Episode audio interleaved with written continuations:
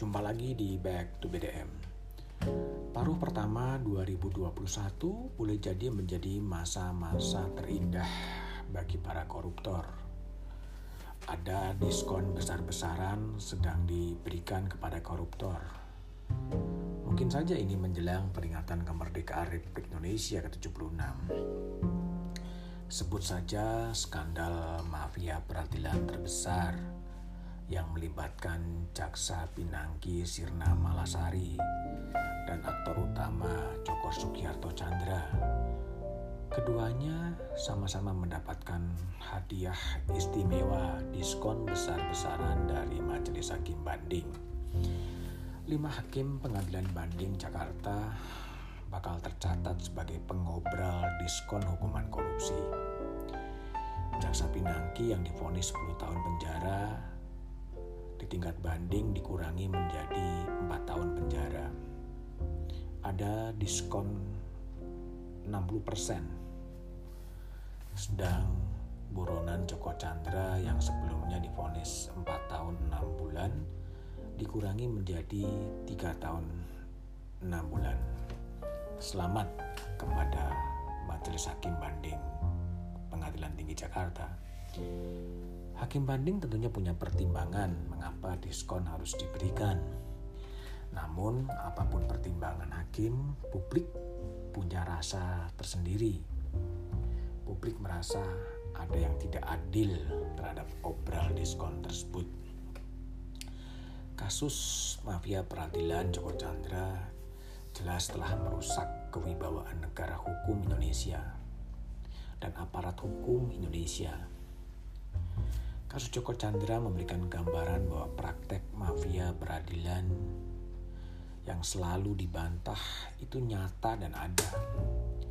Bagaimana mungkin seorang buronan 11 tahun meninggalkan Indonesia menghindari putusan bisa memporak-porandakan sistem dan aparatur hukum dengan bersekongkol dengan aparat hukum Indonesia dan akhirnya vonis hakim di korting habis-habisan.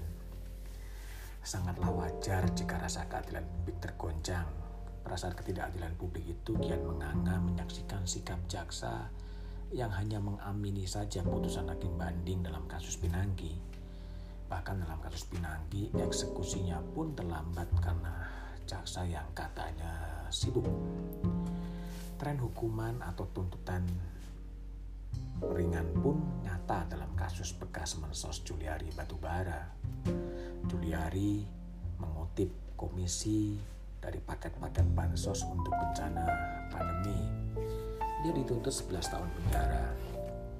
Pemberontakan akan rasa keadilan dalam kasus Juliari mencuat ketika dua penyidik kasus Juliari justru dihukum oleh Dewan Pengawas KPK karena permasalahan katanya pelanggaran etika seorang penyidik KPK dipotong gajinya selama 6 bulan sebesar 10%. Satu lagi diberi sanksi teguran. Sebuah pukulan yang menyakitkan bagi para pengungkap kasus-kasus korupsi. Sebelumnya Ketua KPK menyebut sesumbar agar akan menuntut hukuman mati bagi koruptor saat bencana. Namun, ternyata itu hanya omongan saja.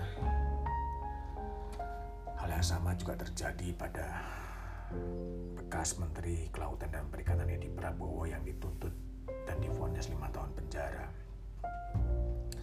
Fonis ringan dan obral diskon kasus korupsi memang menimbulkan pertanyaan, apakah ini merupakan sinyal melemahnya pemberantasan korupsi di negeri ini?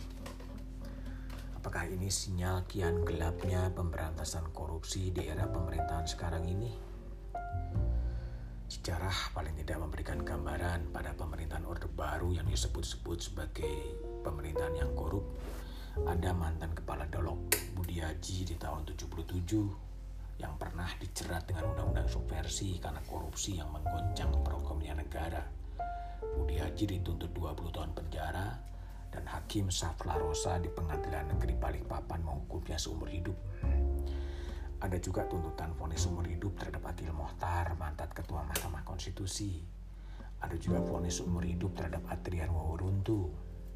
Ada juga vonis 20 tahun penjara pada kasus Jaksa Urip Tri Gunawan yang menerima suap dari Artalita Suryani kejadiannya mirip dengan Jaksa Pinangki yang dijalani hanya 9 tahun. Boleh jadi korupsi saat ini terlalu didekati dengan state center semuanya berpusat pada besarnya kerugian yang diterima oleh negara. Meskipun dalam berbagai kasus perspektif itu tidak bisa dipegang, tidak ada korelasi antara besarnya kerugian negara dan ancaman hukuman yang diterimanya. Padahal sebetulnya korupsi adalah pembusukan terhadap semua aspek kehidupan. Korupsi telah menjadi bagian inherent dalam jiwa manusia. Karena itulah kemudian cara-cara pemberian diskon besar-besaran terhadap para koruptor melukai rasa keadilan publik dan itu akan memberikan semangat kepada calon-calon koruptor untuk kemudian melakukan korupsi ketika ada masa diskon besar-besaran ini bisa menjadi bulan madu antara koruptor dengan para elit. Jumpa lagi di opini Big BPM